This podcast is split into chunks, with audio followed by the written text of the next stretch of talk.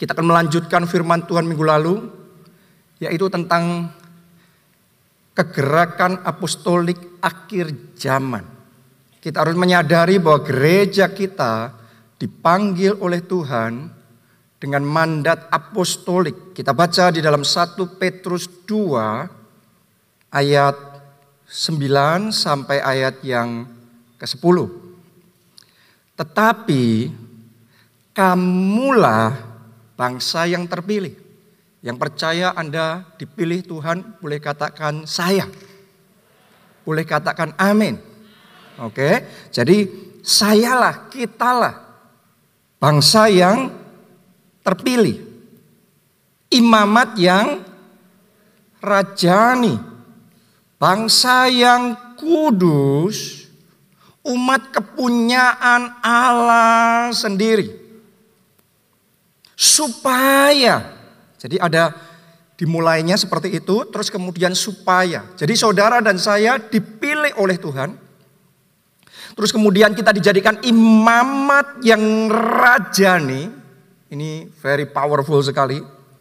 Dan bangsa yang kudus dijadikan umat kepunyaan Allah sendiri karena Tuhan punya maksud.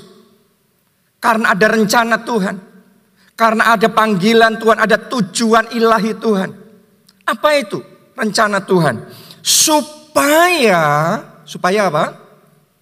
Kamu memberitakan perbuatan-perbuatan yang besar dari Dia yang telah memanggil kamu keluar dari kegelapan kepada terangnya yang ajaib. Jadi pembacaan ini sampai di situ aja. Jadi saudara dan saya harus memahami inilah mandat apostolik.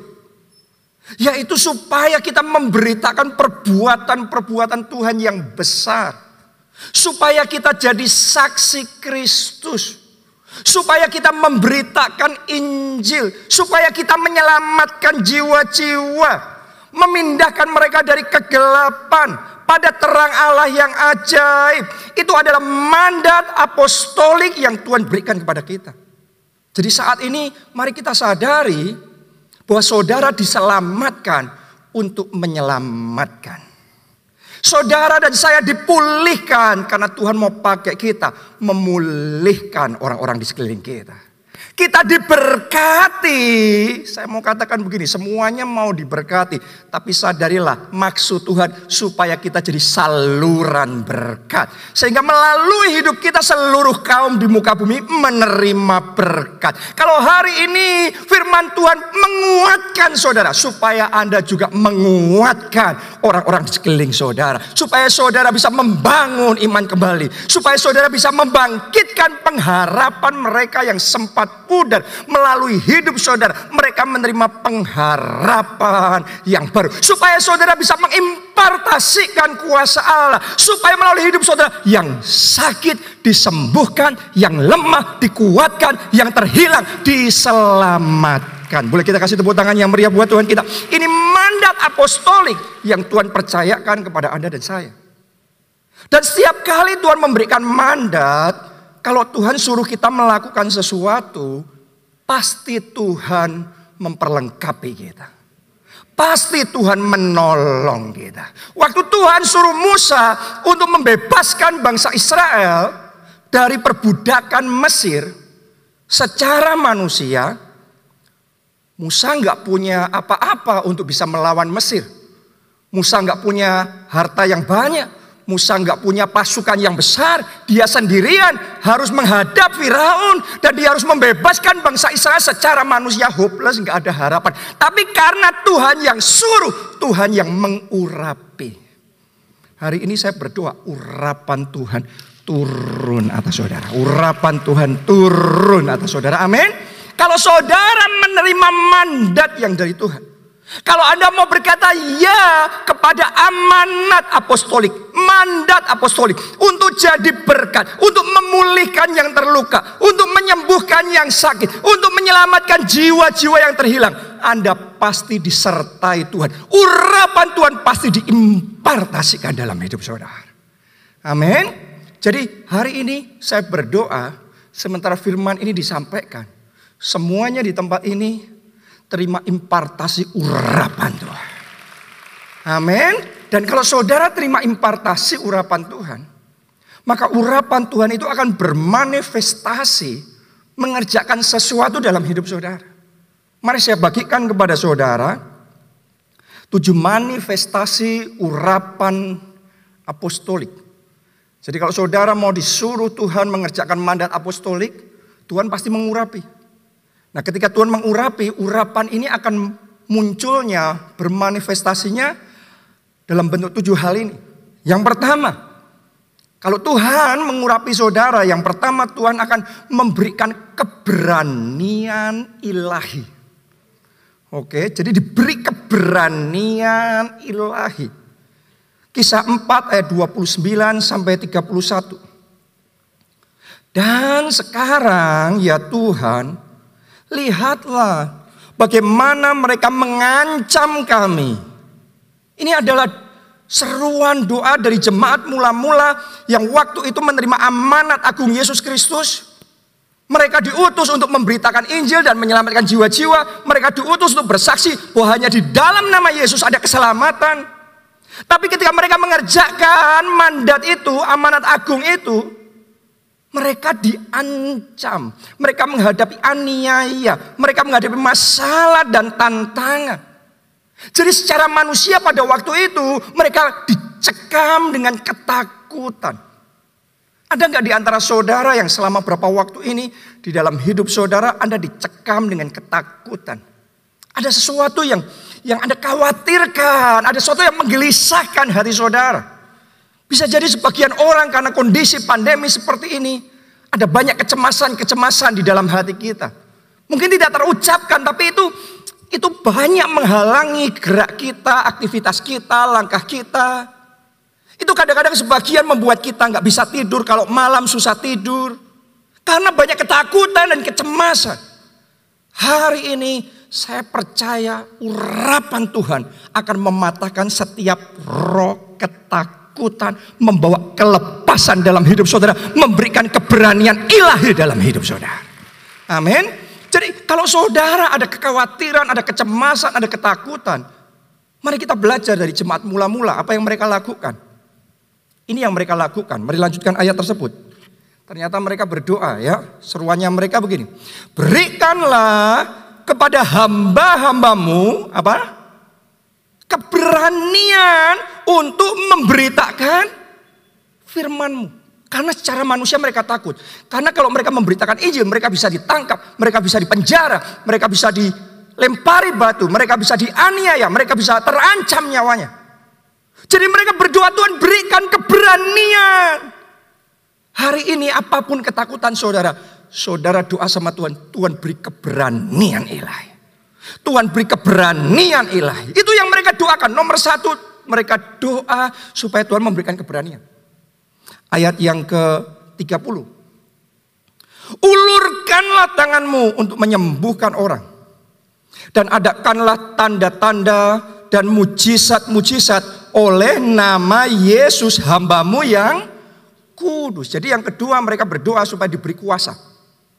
Tadi nomor satu mereka berdoa supaya Tuhan beri keberanian. Nomor dua mereka doa supaya Tuhan beri kuasa. Ya, yang kedua nanti saya bahas. Sekarang fokus yang pertama dulu. Mari kita lihat apa yang Tuhan kerjakan. Ayat 31. Dan ketika mereka sedang berdoa. Saya ajak kalau Anda takut Anda berdoa. Kalau saudara takut, saudara berdoa. Kalau takut jangan tambah baca berita yang menakutkan. Oke, tambah ada baca berita yang menakutkan, tambah ketakutan saudara.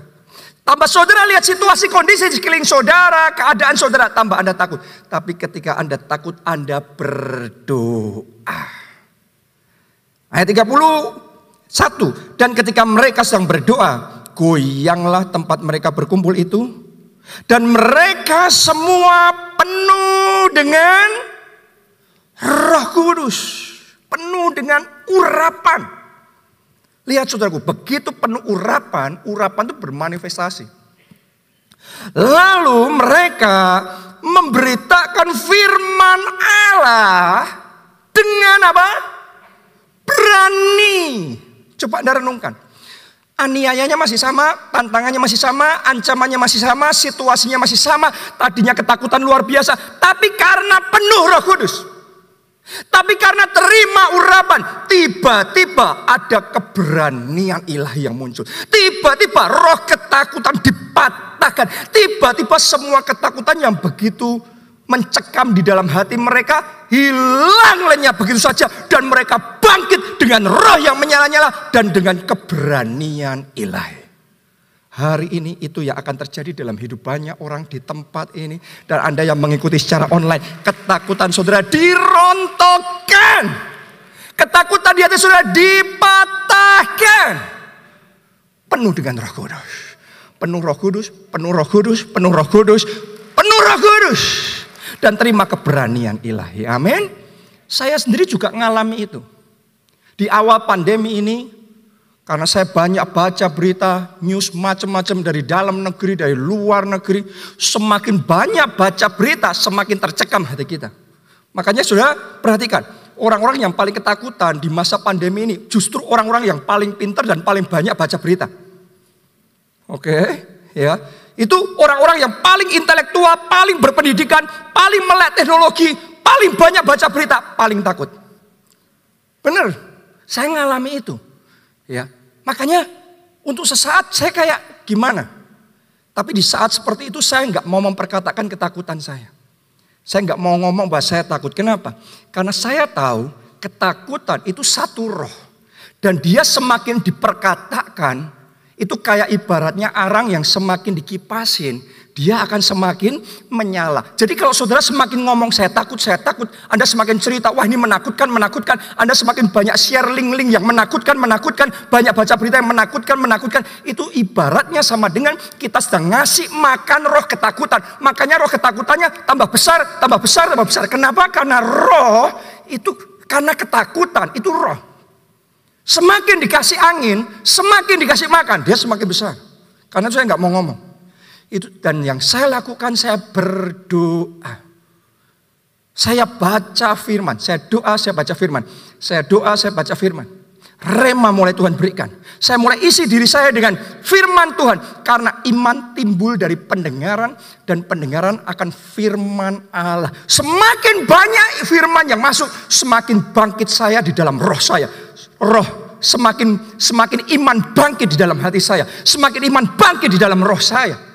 Dan sementara saya mulai semakin banyak berdoa, saya mengalami kepenuhan Roh Kudus dan ketika kepenuhan Roh Kudus saya terima, itu benar-benar ajaib. Saya nggak bisa jelaskan gimana mekanismenya, tapi begitu kita kepenuhan Roh Kudus sampai di satu titik roh ketakutan nggak bisa tahan. Rontok dia. Tiba-tiba hilang ketakutannya.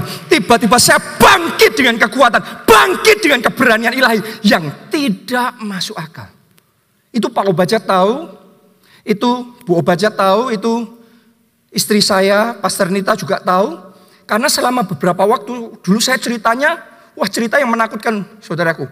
Tapi sampai di satu titik tertentu kayaknya hilang begitu saja. Omongan saya langsung berubah begitu saja.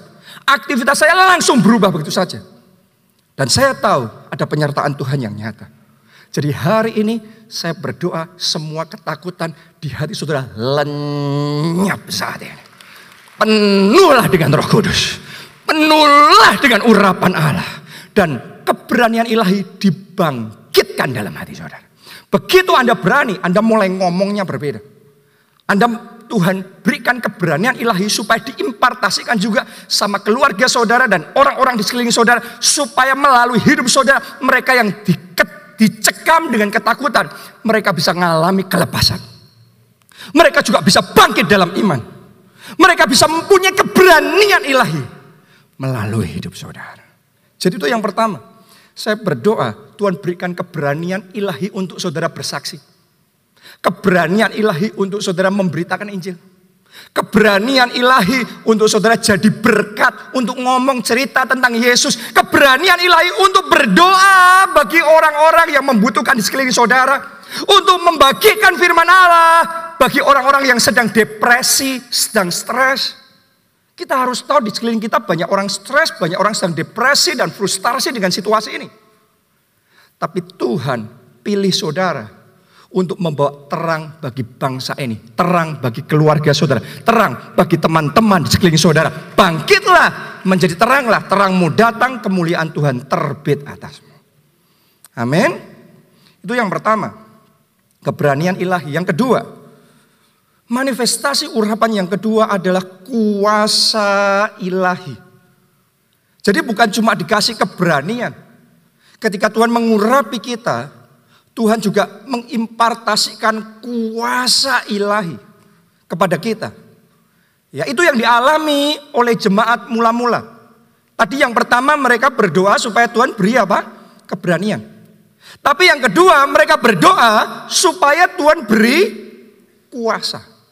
Jadi hari ini saudara semua yang ada di tempat ini terima urapan. Angkat dua tangan saudara.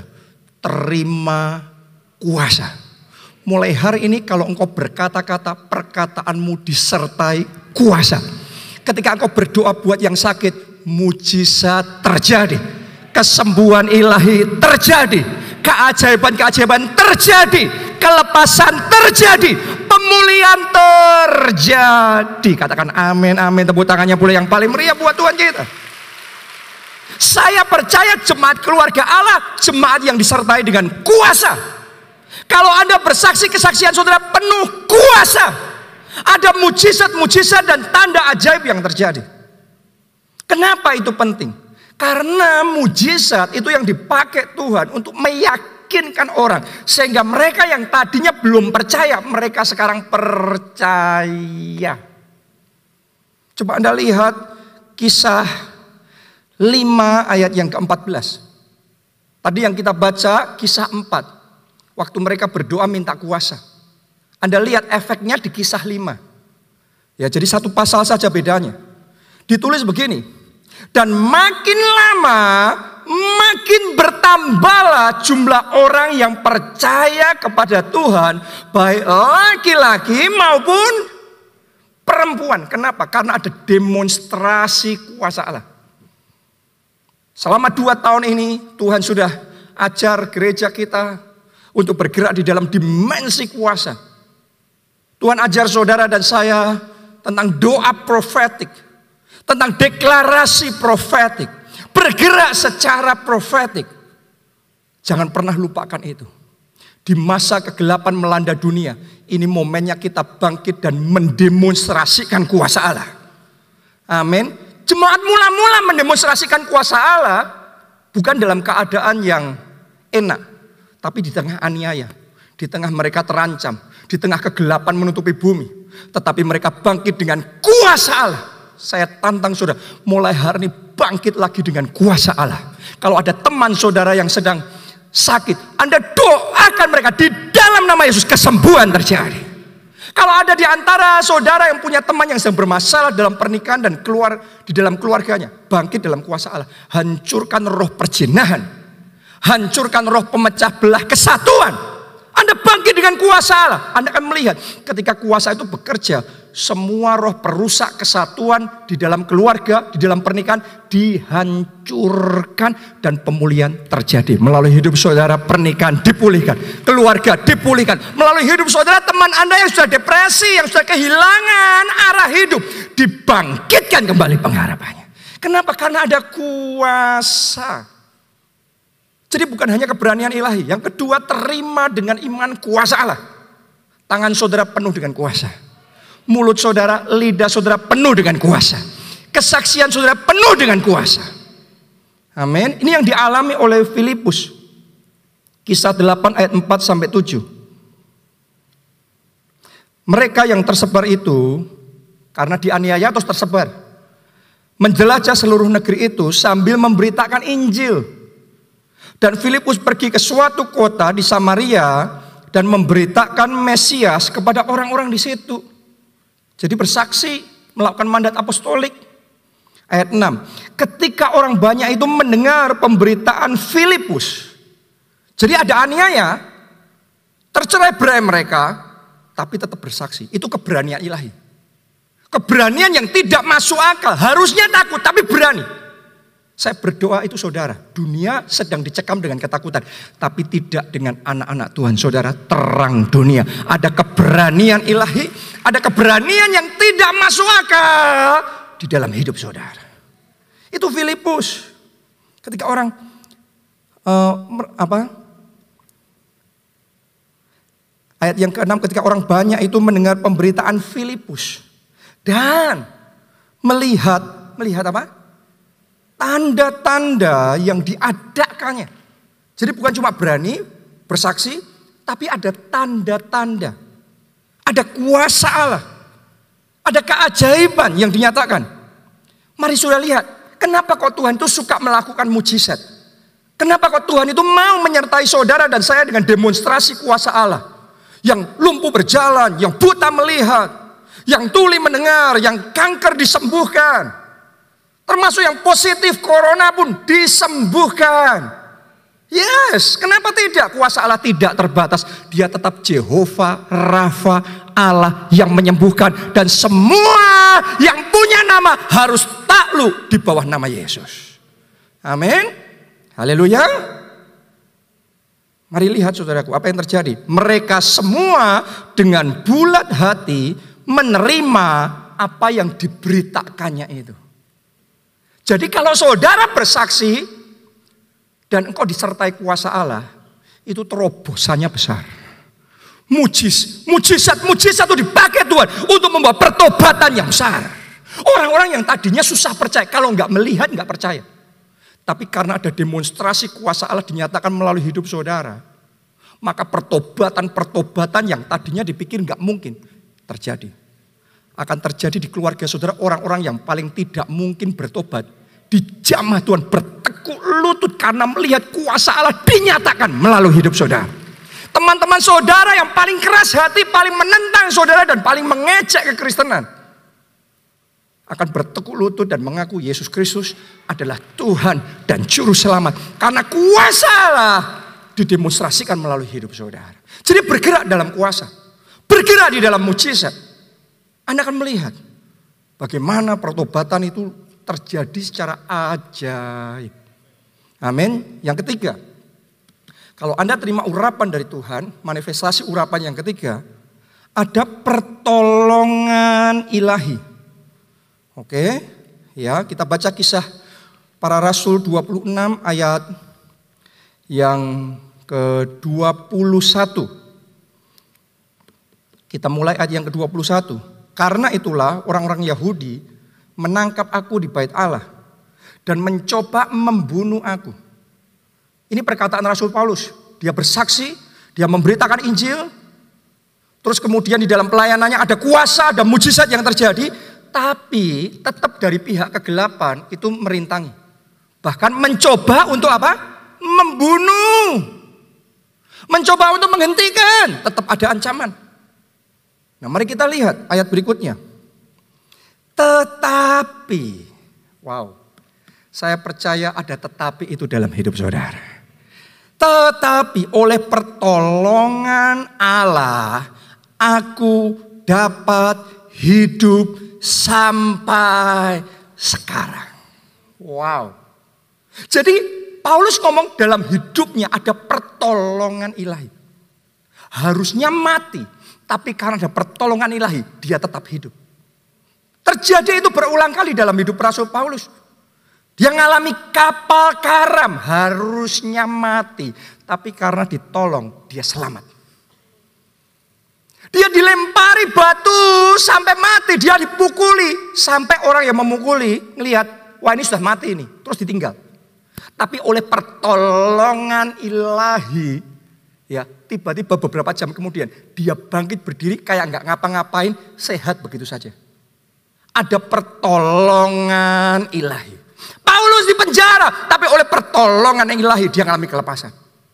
Jadi karena ada pertolongan ilahi, dia diluputkan, dia diselamatkan. Saya mau ngomong sama saudara, kalau Anda terima urapan Tuhan dalam hidup saudara, Anda akan menikmati pertolongan ilahi. Harusnya anakmu celaka. Tapi karena engkau mengerjakan mandat apostolik. Engkau dipakai Tuhan jadi saksi. Ada pertolongan ilahi Tuhan atas keluarga saudara. Ada pertolongan ilahi saudara Tuhan atas kehidupan saudara.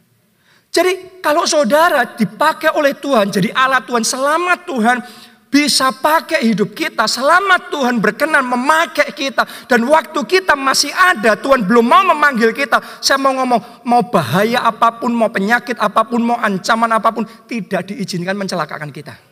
Ada pertolongan ilahi Tuhan yang nyata di dalam kehidupan kita. Jadi hari ini jangan takut dengan resesi ekonomi dengan krisis secara manusia banyak orang sedang ketakutan luar biasa. Tapi saudara dan saya tegakkan kepala saudara. Hadapi dengan iman. Kenapa? Bukan karena kita sombong. Tapi, tapi karena kita tahu ada tangan yang tak terlihat oleh mata. Tapi siap bekerja untuk menolong hidup kita. Untuk menyelamatkan kita. Untuk meluputkan kita. Sehingga saudara dan saya terpelihara hidup kita. Itu yang ketiga. Yang keempat, kalau Anda terima urapan Tuhan, Anda akan hidup, Anda akan menikmati tuntunan ilahi dari Tuhan. Ini yang dialami Rasul Paulus. Dalam pelayanannya, karena dia mengerjakan pekerjaan Tuhan, dia mengerjakan mandat yang Tuhan berikan, Tuhan tidak biarkan saja. Tapi Tuhan berikan kepekaan ilahi yang lebih sehingga dia bisa menangkap sinyal-sinyal tuntunan ilahi dari Tuhan. Dia ngerti apa yang harus dia katakan. Dia ngerti di daerah itu apa yang harus dia lakukan. Dia ngerti saudaraku ya ke mana dia harus melangkah. Suatu kali dia sedang berencana, Rasul Paulus punya rencana untuk memberitakan Injil di daerah Bitinia. Tapi dia mau masuk terus ke sana, gak bisa terus, gak tembus terus. Ya mungkin dia berdoa, mungkin dia berjuang, mungkin dia berusaha. Tapi tiba-tiba malam itu Tuhan ngasih penglihatan. Dalam mimpinya dia dapat penglihatan. Ada orang Makedonia yang melambek-lambekkan tangan. Memanggil minta tolong sama Rasul Paulus. Ketika dia bangun, dia menyadari. Dan dia ngambil kesimpulan. Ini Tuhan sengaja mengizinkan pintu ke Bitinia ditutup supaya kami memberitakan Injil di Makedonia. Dan di situ dia melangkah, dia pindah, dia rubah perjalanannya. Dia pergi ke Makedonia, dia beritakan Injil di Makedonia. Anda tahu gak Makedonia sekarang kita sebut benua Eropa, satu daerah di benua Eropa. Jadi dimulai dari penglihatan tuntunan ilahi itu, Paulus mulai berangkat dan memberitakan Injil di benua Eropa dalam beberapa waktu saja. Satu satu benua ditaklukkan, bertobat, terima Yesus sebagai Tuhan dan juru selamat. Breakthrough-nya besar. Kalau Anda melangkah dengan pikiran saudara sendiri mungkin hebat. Tapi kalau saudara melangkah dengan tuntunan ilahi dari Tuhan yang tidak terpikirkan oleh pikiran kita, yang skalanya jauh melampaui kemampuan kita, itu Tuhan nyatakan. Dalam bisnis juga sama, dalam pekerjaan juga sama, dalam keuangan juga sama. Kita manusia mereka-rekakan jalan kita, kita manusia merencanakan yang kita mau lakukan.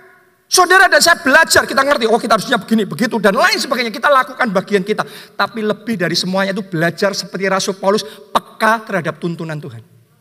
Karena kita, rencana kita terbatas. Kalau kita ngomong setahun yang lalu, siapa yang akan nyangka 2020 pandemi melanda dunia.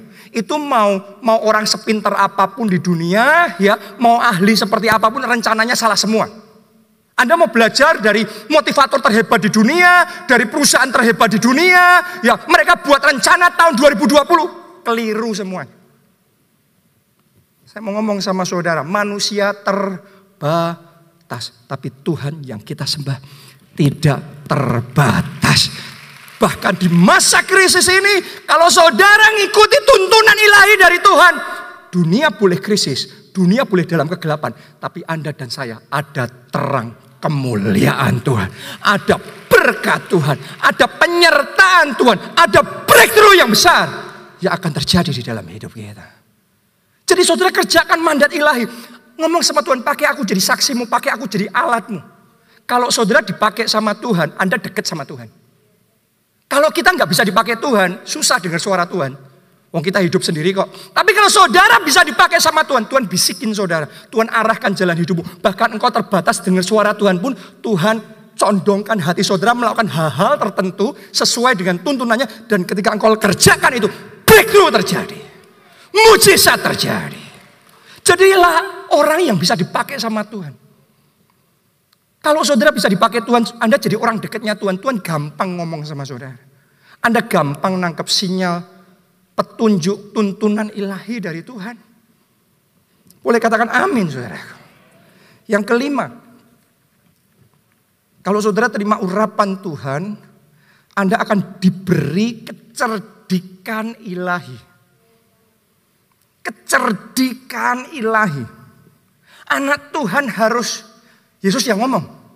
Ya, cerdik seperti ular dan tulus seperti merpati. Oke, kadang-kadang anak Tuhan yang penting tulus. Yang penting hati, yang penting percaya, yang penting cinta Tuhan. Itu penting semuanya. Tapi Yesus yang Anda sembah ngomong kita harus cerdik seperti ular. Dan tulus seperti merpati. Jadi jangan buang sebagian, ambil sebagian, semua yang Yesus katakan terima itu. Punyai hati yang tulus, yang setuju boleh katakan amin. Hati harus tulus, hati harus benar, hidup dalam perkenanan Tuhan, dalam integritas. Tapi jadi orang yang cerdik. Dan saudara akan terima kecerdikan ilahi kalau saudara terima urapan Tuhan. Waktu Paulus memberikan hidupnya untuk mengerjakan mandat apostolik ini, untuk belajar firman Tuhan, untuk taat sama rencana Tuhan. Tuhan berikan kecerdikan ilahi yang begitu rupa. Sampai dua per tiga dari kitab perjanjian baru, dia yang tulis. Dia bukan cuma nulis dua per tiga kitab perjanjian baru. Tapi dia yang memimpin pergerakan gereja lebih dahsyat dibandingkan rasul-rasul yang lain. Dia yang membangun gereja-gereja di seluruh dunia.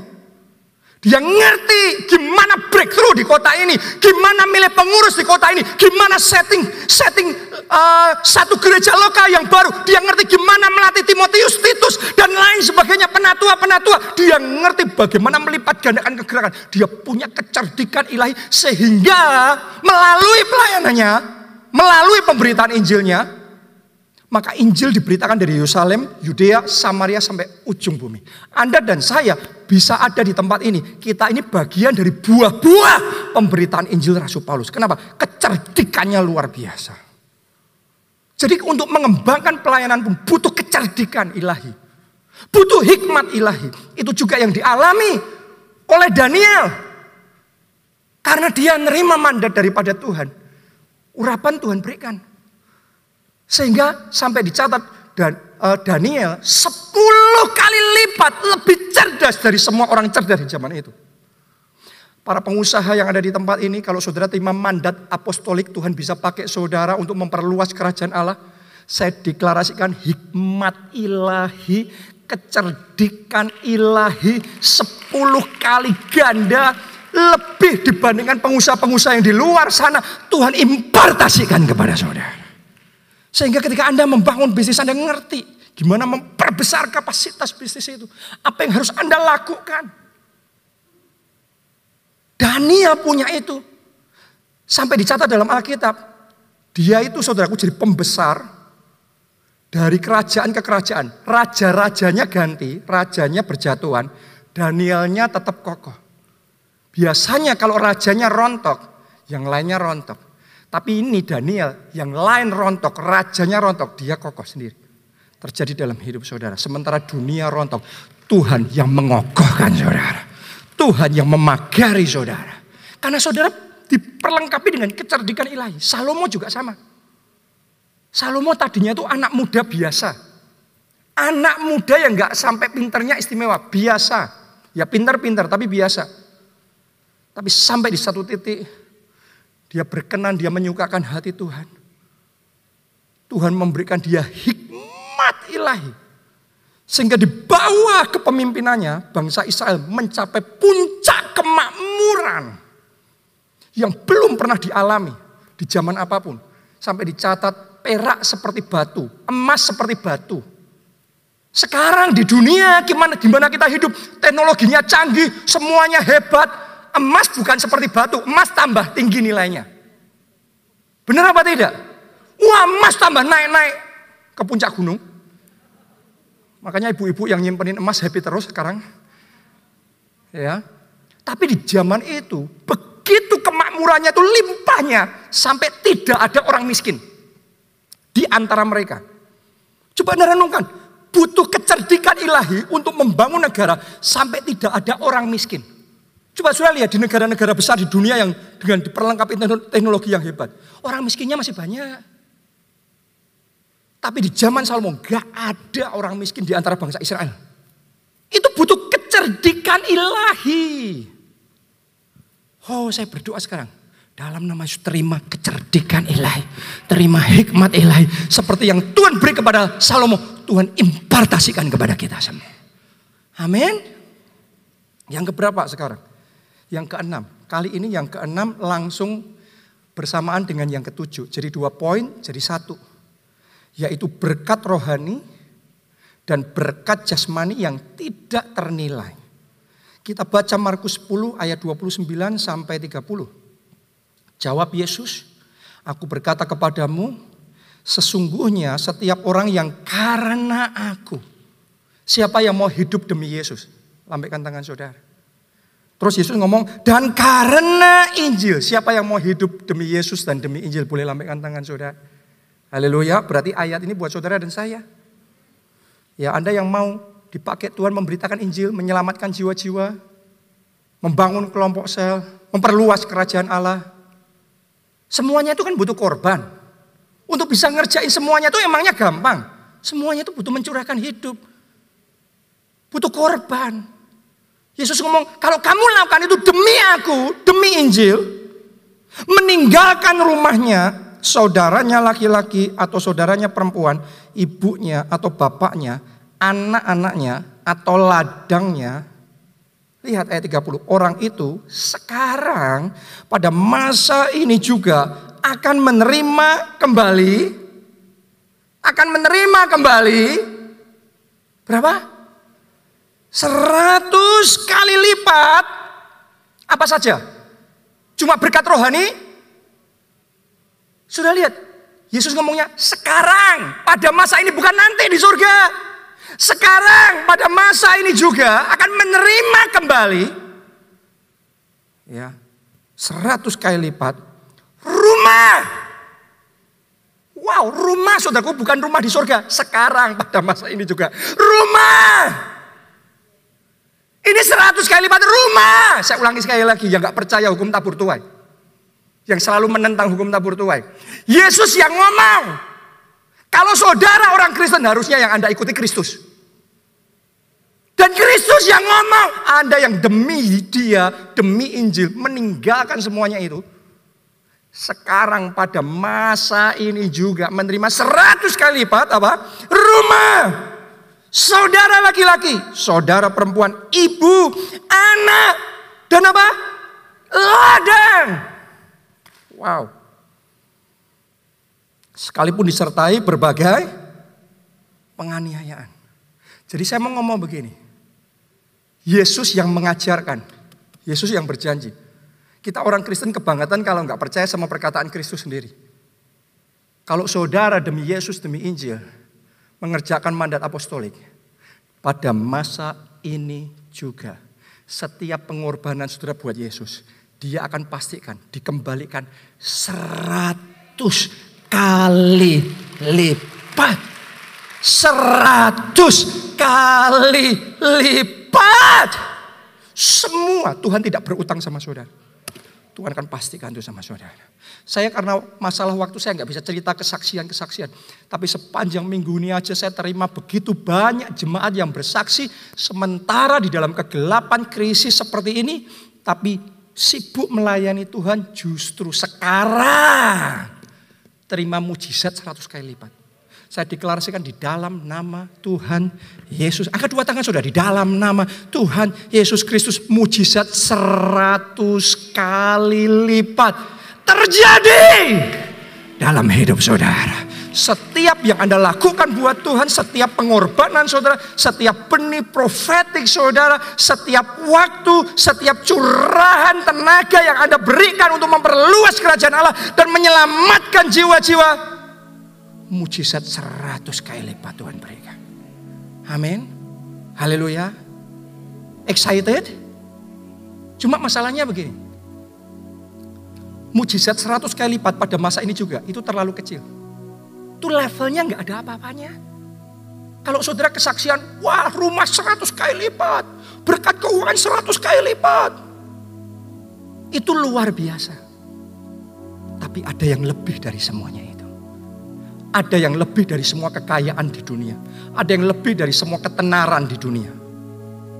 Karena janji Yesus nggak berhenti sampai di situ. Lanjutkan, lanjutkan. Dan pada masa pada zaman yang akan datang, ia akan menerima hidup yang kekal.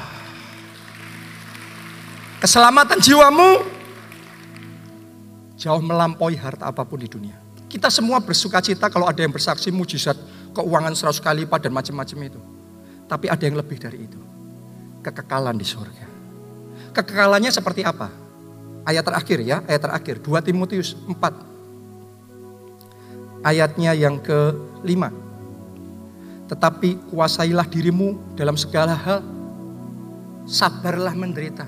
Kalau memberitakan Injil itu sabar saudara. Ngalami aniaya, dicemooh, disalah mengerti. Yesus ngomong sabarlah menderita. Terus apa perintahnya? Lakukanlah pekerjaan pemberita Injil dan tunaikanlah tugas pelayananmu. Jadi buat saudara yang merasa beritakan Injil itu urusan pendeta, bersaksi itu urusan Pak Obaja, Pak Jonathan. Saya mau ngomong sama saudara, Yesus ngomong, firman Tuhan berkata, lakukanlah pekerjaan pemberita Injil. Dan tunaikanlah tugas pelayananmu. Kenapa? Kenapa? Kenapa? Baca ayat yang ke-8. Lihat nih Paulus ngomong begini. Setelah dia melakukan semuanya itu. Sekarang telah tersedia bagiku mahkota kebenaran yang akan dikaruniakan kepadaku oleh Tuhan Hakim yang adil pada harinya. Wow. Wow. Lebih berharga dari harta apa pun di dunia, lebih berharga dari kesenangan apa pun yang kita nikmati di dunia ini. Ada satu hal, kalau saudara tiba waktunya pulang ke rumah Bapak, Yesus yang mengenakan mahkota kebenaran di atas kepala saudara. Anda kalau bangga dengan jabatan tinggi di dunia, good. Saya nggak ngomong jelek. Anda senang dengan berkat kekayaan, good. Tapi itu semua kecil. Yesus ngomong 100 kali lipat kecil. Dibandingkan mahkota kebenaran. Tapi saya mau ngomong sama saudara, kadang-kadang dalam hidup kita ada yang menghalangi. Prinsip-prinsip hidup kita. Sebagian orang tuh punya prinsip, hidup tuh yang penting sukses. Makanya cari uang, cari uang, cari uang. Cuan, cuan, cuan. Siapa mau diberkati dengan keuangan yang melimpah? Saya juga mau, nggak salah. Tapi jangan jadikan itu yang utama.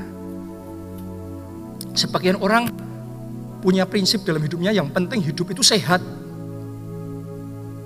Apalagi di masa pandemi kayak gini. Udah, nggak cari duit nggak apa-apa. Ini bukan masa cari duit. Yang penting sehat, sehat. Pokok semuanya sehat. Good. Siapa mau sehat? Siapa mau sehat? angkat tangan saudara. Bagus. Tapi jangan jadikan itu yang utama. Ada orang yang punya prinsip dalam hidup yang penting happy. Gak kaya, gak apa-apa. Ya. Yang penting apa? Happy. Jadi pokok hidupnya maunya happy, maunya menikmati. Siapa yang mau happy dalam hidup ini? Lambaikan tangan sudah. Good. Tapi bukan itu yang utama. Karena kenapa kok saya ngomong begitu? Karena kalau itu yang utama, Paulus nggak memberitakan Injil. Karena untuk memberitakan Injil banyak korbannya. Karena kalau yang penting uang, yang penting sukses, yang penting sehat, Yesus nggak mati buat kita di kayu salib. Nggak serahkan tubuhnya dan darahnya. Dan hari ini kita tetap dalam kegelapan, hari ini kita tetap binasa. Coba saudara lihat perkataan Rasul Paulus. Dia ngomong, karena bagiku. Aku nggak tahu bagimu, tapi bagiku. Paulus ngomong gini, hidup adalah Kristus. Dan mati adalah keuntungan. Tuhan Yesus juga punya prinsip hidup. Makananku ialah mengerjakan kehendak dia yang mengutus aku. Benar kita mau happy, kita mau sehat, kita mau sukses. Tapi satu yang saudara harus kejar lebih dari segala-galanya. Perkenanan Tuhan. Penggenapan rencana Tuhan dalam hidup kita. Melalui hidup kita. Rencana Tuhan tergenapi. Itu sebabnya baik Paulus maupun Tuhan Yesus menikmati urapan yang begitu luar biasa dalam hidupnya. Lebih dari orang-orang yang lain. Waktu saya renungkan ini saudaraku, saya tanya sama diri saya sendiri. Apa yang saya mau dalam hidup saya? Saya tanya sama diri saya sendiri, saya evaluasi. Dan saya jujur ngomong sama saudara dari tadi. Saya mau sukses. Saya mau sehat dong, bener nggak? Saya mau menikmati dong, happy dalam hidup ini. Tapi saya sadar lebih dari segalanya. Dalam hidupku satu Tuhan. Aku mau hidup bagi Kristus. Aku tahu hidup ini adalah kesempatan untuk menyenangkan hati Tuhan, untuk menggenapi rencana Tuhan dalam hidupku, untuk memperluas kerajaan Allah. Itu love God with passion. Mengasihi Tuhan dengan segenap hati.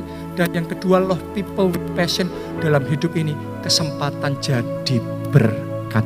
Kesempatan menguatkan orang lain. Keselamat kesempatan menyelamatkan jiwa yang terhilang, Keselam, kesempatan untuk bisa jadi berkat buat orang-orang miskin, orang-orang yang membutuhkan. Saya berdoa dalam hidup saya, dua hal itu jadi hal yang menyukakan hati. Bagaimana dengan saudara? Saya ajak saudara nyanyikan lagu ini. Hidup ini adalah kesempatan. Bangkit berdiri.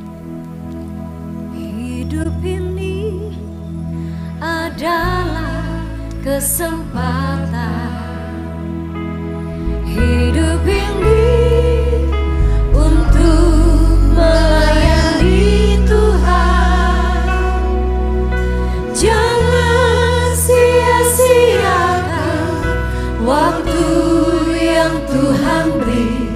Hidup ini harus jadi berat. Oh Tuhan, pakailah hidupku. Oh Tuhan, pakailah hidupku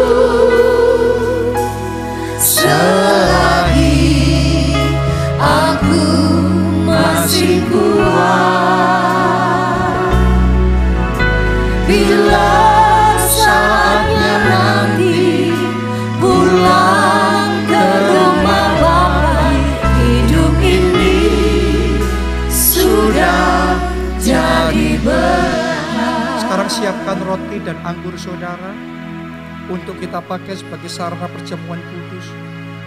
Dan angkat roti itu di tangan kanan saudara. Malam itu dalam perjamuan terakhir Tuhan Yesus bersama dengan murid-muridnya. Ia mengangkat roti serta berkata, Inilah tubuhku yang dipecahkan bagi kamu sekalian. Perbuatlah ini setiap kali kamu mengingat aku. Apakah Anda percaya yang kita angkat? Inilah tubuh Kristus. Amin. Yang percaya dengan iman terima itu di dalam, Dalam nama, nama Tuhan Tuhan Yesus.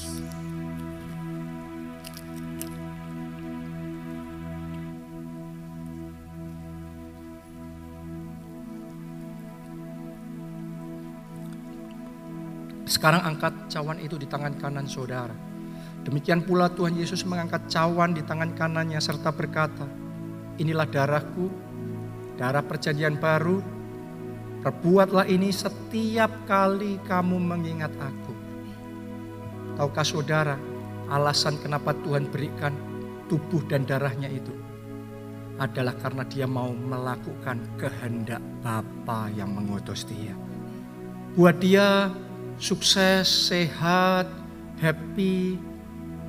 Saya mau ngomong sama saudara, buat Yesus perkenanan Bapak di surga lebih penting. Amin. Hidup jadi berkat lebih penting. Amin. Jadi hari ini apa yang Anda terima tubuh dan darah Kristus. Anda sedang menerima impartasi kehidupan Yesus. Kehidupan yang memberi. Kehidupan yang jadi berkat. Kehidupan yang dipakai untuk menyelamatkan saudara dan saya. Amin. Saya berdoa sementara Anda menerima pengorbanan Yesus ini. Engkau berkata kepada dia, Tuhan mulai hari ini pakai hidupku. Pakai hidupku untuk mengerjakan kehendak Bapa. Pakai hidupku karena bagiku hidup adalah Kristus. Kalau aku diizinkan untuk hidup, masih hidup sampai hari ini. Itu kesempatan berbuah lebat bagi kerajaan Allah. Kesempatan menyelamatkan jiwa-jiwa yang terhilang. Keselam, kesempatan untuk menguatkan yang lemah. Membebat yang terluka. Menyembuhkan yang sakit. Kalau Anda mau dipakai Tuhan. Untuk mengerjakan kehendaknya di muka bumi ini. Mari terima darah Kristus itu dengan iman di dalam nama Tuhan Yesus.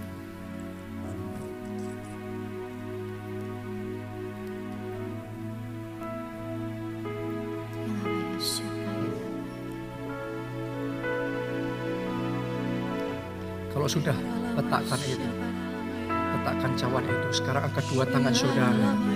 Semuanya katakan pakai aku Tuhan. Pakai hidupku ini Tuhan. Pakai aku Tuhan. Kesempatan yang kau berikan ini. Pakai aku. Pakai aku ya Yesus. Pakai aku ya Tuhan. Pakai aku ya Tuhan. Rala wasyarala. Rala wasyarala. Pakai aku ya Tuhan. Pakai kami Tuhan. Pakai lidahku ini. Pakai mulutku ini. Pakai tanganku. Pakai kakiku. Pakai hartaku. Pakai keluarga. Pakai rumah. Pakai mobil. Untuk menjadi alat. Untuk mengerjakan kehendak Bapa. Pakai Tuhan. Aku mau jadi berkat. Aku mau melayani Tuhan. Oh Jesus. Lagu ini sekali lagi. Hidup ini adalah kesempatan. Hidup ini. Mari nyanyikan lagu ini sebagai dedikasi kita kepada Yesus.